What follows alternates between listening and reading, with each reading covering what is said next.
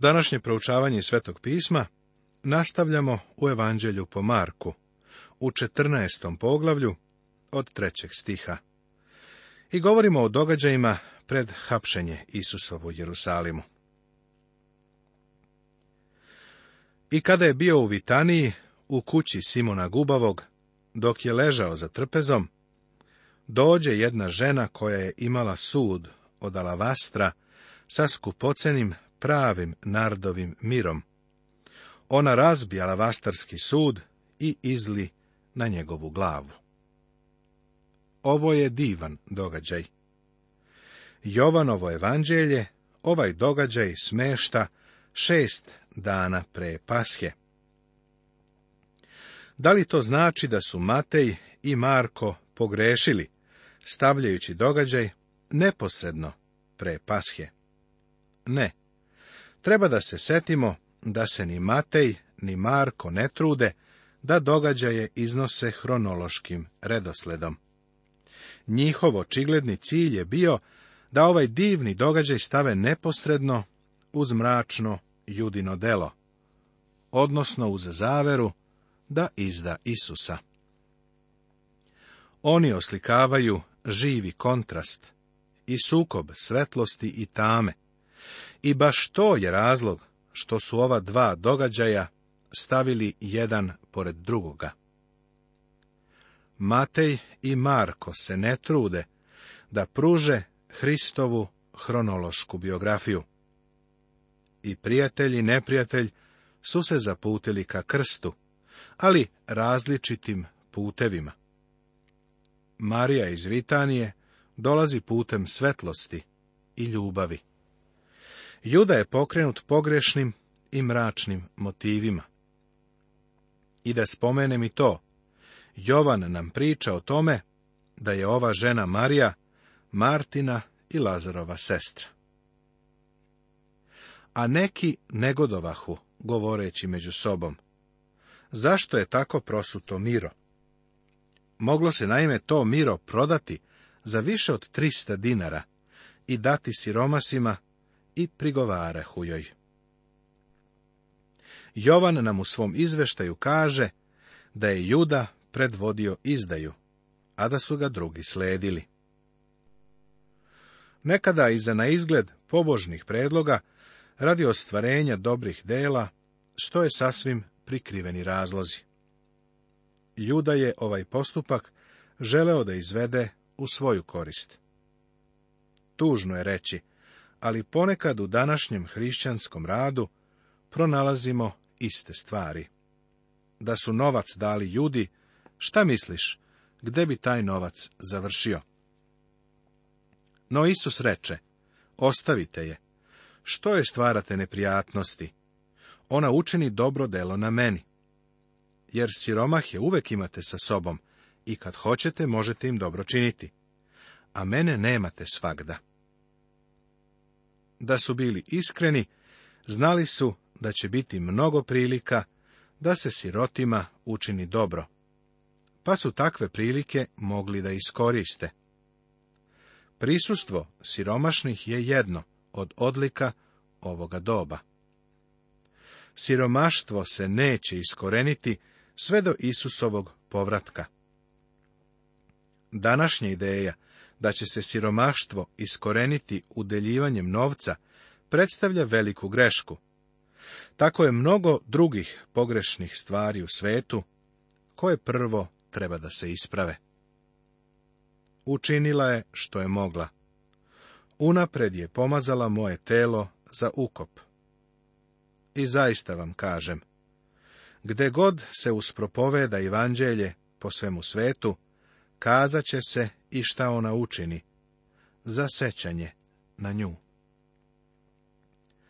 Ona je učinila šta je mogla. Ovo je ono što je Bog ikada od bilo kog čoveka tražio. Važno je da primetimo da je Marija posjedovala duhovno razumevanje i oštroumnost, koja je u ovom momentu, nažalost, nedostajala čak i apostolima. Marija je pomazala Hristovo telo za pokop. Samo razmislimo o tome. Ova sirota, krhka žena je stajala na rubu događaja koji su vodili do krsta i Isusu je dala do znanja da je to shvatala. Niko od apostola to nije osjetio, ali ona jeste. Mio miris iz posude, koju je toga dana razbila, duhom svetim prenosi se već vekovima, sve do današnjeg dana. Još uvek se srca ispunjavaju mirisom, čak i sada. Ovde u senci njegove patnje bio je neko ko je sve to razumeo. Tako je lako sada to čitati i dozvoliti da postane besmisleno. Da li je iko od nas radi Isusa razbio posudu od alebastera da bi se u našem životu pojavio miris koji će drugima biti blagoslov. Mislim da kada bi neki razbili posudu od alebastera sa mirisom, to bi bilo na pomoć sirotima. Pitam se danas, da li Boži narod stvarno čini ono što može da čini? Sada obrati pažnju na to da odmah uz ovo divno delo koje je učinila ova žena, uz ljubav i svetlost koji su je pratili, postoji i judin plan da izda našega gospoda. I juda Iskariotski, jedan od dvanaestorice, ode prvosveštenicima da im ga izda. A oni, čuvši, obradovaše se i obećaše da će mu dati novaca. I tražaše kako da ga u zgodnoj prilici izda. Ovdje vidimo Judu u njegovom času tame. Ovaj čovek kuje zaveru o Isusovoj smrti. Zavera treba da sačeka pogodan moment kada će ga Juda izdati. Ali vidiš, Isus mu je osujetio planove. U Jovanovom evanđelju vidimo da je gospod rekao Judi, što činiš, čini brže. Zato je Juda morao da pohita kod fariseja i kaže im, bolje bi bilo da sada odete i uhvatite ga, jer je naš plan otkriven. Rekao mi je da brzo uradim ono što sam planirao. Možda će otići iz grada.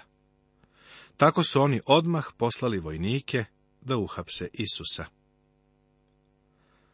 Ako se vratimo u Markovo evanđelje, vidjet ćemo da sljedeće što se spominje jeste kako se naš gospod priprema za pashu.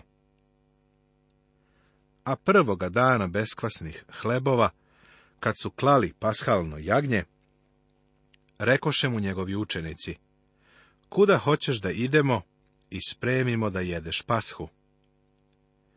Pashu je trebalo jesti sa beskvasnim hlebom, a onda sledi još sedam dana sa beskvasnim hlebovima. Ovo je prema drugoj knjizi Mojsijevoj, 12. poglavlju, Svetoga pisma Starog Zaveta. Bio sam u Izraelu u vreme Pashe. Odseo sam u hotelu Haifa. Sedam dana smo imali beskvasne hlebove i baš sam se umorio od njih. Ostala hrana je bila vrlo ukusna, ali mi je taj hleb dosadio. Učenici su ovdje bili vrlo detaljni, čak sitničavi, u primjeni Mojsijevog zakona. Želeli su da znaju gdje će jesti pashu. Hteli su da to urade kako treba. Za nekoliko sati Isus će ispuniti sam smisao pashe.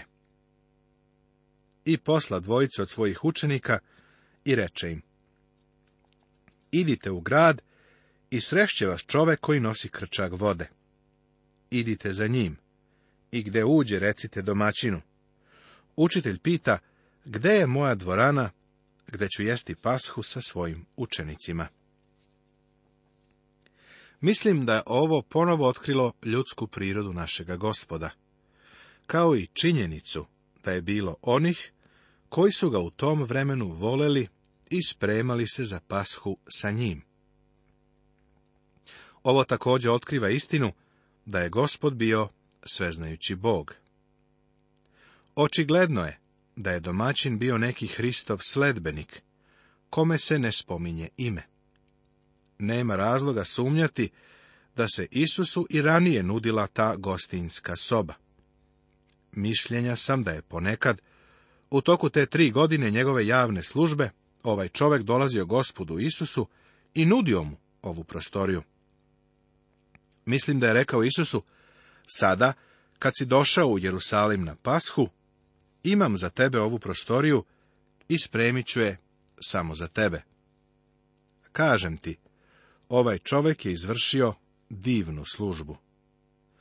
Mnogo je stvari koje možemo učiniti za gospoda Isusa i to je baš ovaj čovek i učinio.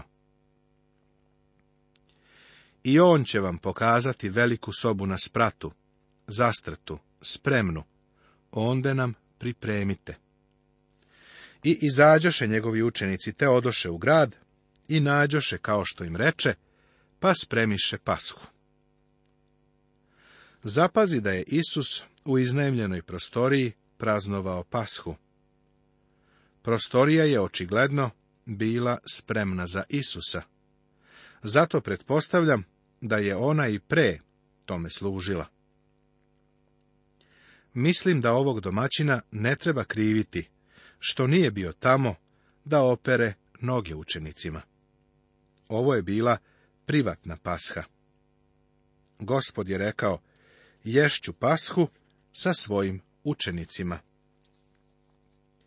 Trebalo je da to bude privatna pasha, pa domaćin nije želeo da se meša. Setićeš se, da smo već spominjali prethodno iskustvo slično ovome, kada je Isus poslao učenike da dovedu magare, na kome je ujahao u Jerusalim. Našli su ga baš kako im je i rekao. Mislim da je postojao prethodni dogovor za ovo magare. Smatram da je gospod imao običaj da se dogovara. A kada je bilo veče, dođe sa dvanaestoricom. Primeti da je došao uveče. Paska počinje pri zalasku sunca, pa mislim da je on došao pod okriljem pomračine. Nije hteo da navaljuje, sve dok ne bude spreman, ali će se u pravo vreme predati u njihove ruke, kada će ga razapeti. To neće biti prema njihovom, nego prema njegovom rasporedu. To je tako čudesno. Ovo je bio divan događaj. Jeo je pashu sa njima lagano, neformalno. Mi smo praznovali gospodnju večeru nedeljom pre podne na bogosluženju. I to na vrlo formalnoj službi. Ovdje vidimo da je gospod pashalnu večeru jeo ovdje sa njima a zatim sljedeći obrok koji je imao bio je doručak na obalama Galilejskog mora nakon njegovog vaskrsenja. Mislim da je to bilo divno vreme zajedništva. Lično nemam ništa protiv crkvenih obreda samih po sebi. Smatram da mogu koristiti korisnom cilju. Ali crkveno okupljenje oko gozbi i obeda danas nisu onakva kakva bi trebalo da budu. Divno je da se ljudi okupljaju i da imaju zajedništvo oko Hrista. Ali ako on nije u središtu, onda je to samo provod, bez obzira što ga možda zovemo zajedništvom, jer nam je promakla suština. Crkveni obredi treba da budu prilike kada ćemo se okupljati oko Hrista. Ovo je bio cilj i pashalnog praznika. I kad su ležali za trpezom i jeli, reče Isus, zaista vam kažem da će me izdati jedan od vas, koji jede sa mnom. A oni počeše da se žaloste i da mu govore jedan za drugim, da neću ja. Svi oni su znali da su u stanju da to učine. Ako još nisi uvideo da si potpuno iskvaren, da nisi dobar, nego da si grešnik, da si potpuno u stanju da Bogu okreneš leđa, onda baš i nisi mnogo naučio. Nažalost, u crkvi postoje ljudi koji ne shvataju da su grešnici i da su izgubljeni. Ali u crkvi ima i spasenih ljudi koji ne razumeju da su sposobni da Bogu okrenu leđa. Svako od nas bi mogao da pita, da neću to biti ja. A on im reče, jedan od dvanaestorice koji umače sa mnom uz delu. Sin čoveči do duše, kao što je napisano, za njega ide, ali teško onom čoveku koji posreduje u izdajstvu sina čovečijeg. Bolje bi mu bilo da se nije rodio taj čovek. Juda Iskariotski je doneo odluku da će izdati Isusa. Judina odgovornost je bila velika, jer je imao mogućnost da sa Isusom provede tri godine. Psalmista je napisao, I čovek mira mojega u kojega se uzdah, koji jeđaše hleb moj, podiže me na petu. Ukazao je psalmista u 41. psalmu na Judu iz Kariotskog, i ja mislim da je Juda baš tada otišao. Isus je ustanovio novo praznovanje na žeravici koja se gasila, na starom pashalnom prazniku. Uspostavio je novi spomen, ne kao spomenik od bronze ili mermera, nego spomen u kome se koriste elementi koji brzo nestaju, vino i hleb. Pasha je gledala na njegov dolazak kao dolazak pashalnog jagnjeta. A sada večera gospodnja nas podsjeća na Hristovu smrt. Hleb govori o njegovom telu koje je bilo slomljeno. Seti se da ni jedna kost u njegovom telu nije bila slomljena. I kada su jeli, uze hleb, blagoslovi, izlomi i dade im i reče uzmite, ovo je telo moje. I uze čašu, zahvali Bogu, dade im, te piše iz nje svi. I reče im, ovo je moja krv zaveta, koja se proliva za mnoge. Zaista kažem vam, neću više piti od roda Čokotova do onoga dana kada ću ga piti novog u carstvu Božijem. Mislim da ovdje ima nekoliko zanimljivih i važnih stvari. Pashalna čaša je kružila unaokolo više puta te pashalne večeri. Za to vreme oni su pevali jedan od divnih Halel psalama. Ovo je očigledno bio sedmi krug. Kada gospod nije pio, nego je sa njima ustanovio gospodnju večeru. Večera gospodnja sada gleda unazad ili podsjeća nas na ono što je Hristos učinio na krstu pre 2000 godina. Pasha je gledala unapred na njegov dolazak, ali ona će biti ponovo ustanovljena u hiljadugodišnjem carstvu. To znamo iz knjige proroka Jezekilje. Mislim da je razlog za to činjenica što će u hiljadugodišnjem carstvu postojati sećanje na njegov dolazak. Ali, kada je tek ustanovljena, gledala je unapred na njegov dolazak. Ne vidim razlog zašto ne bismo mogli da sa radošću nešto iščekujemo, a onda i da gledamo unazad, da se sećamo toga. U toku hiljadugodišnjeg carstva sve ovo će dobiti puni smisao. Apostol Pavle rekao jer i Hristos je, kao naše pashalno jagnje, prinet na žrtvu. I odpojavši hvalu, iziđoše na Maslinsku goru. I reče im Isus, svi ćete se sablazniti, jer je napisano, udariću pastira i ovce će se razbeći. Ali, posle svoga vaskrsa ići ću pred vama u Galileju. A Petar mu reče, ako se i svi sablazne, ali ja neću. A reče mu Isus, zaista ti kažem da ćeš me se ti tri puta odreći danas, ove noći, pre nego što petao dva puta zapeva. No on govoraše još upornije, ako bi trebalo da umrem s tobom, neću se odreći tebe. A isto tako govorahu i svi ostali. Ovdje prvo vidimo kako ga Petar uverava u svoju odanost. On je naravno bio iskren, ali nije poznavao svoje slabosti. To je problem većine nas. Ne poznajemo svoje slabosti. Lično smatram da u psihologiji o tome ne možeš mnogo pronaći. Mislim da je Božja reč jedino mesto na kome sebe stvarno sagledavaš. To je jedino ogledalo koje imaš nastavit će se.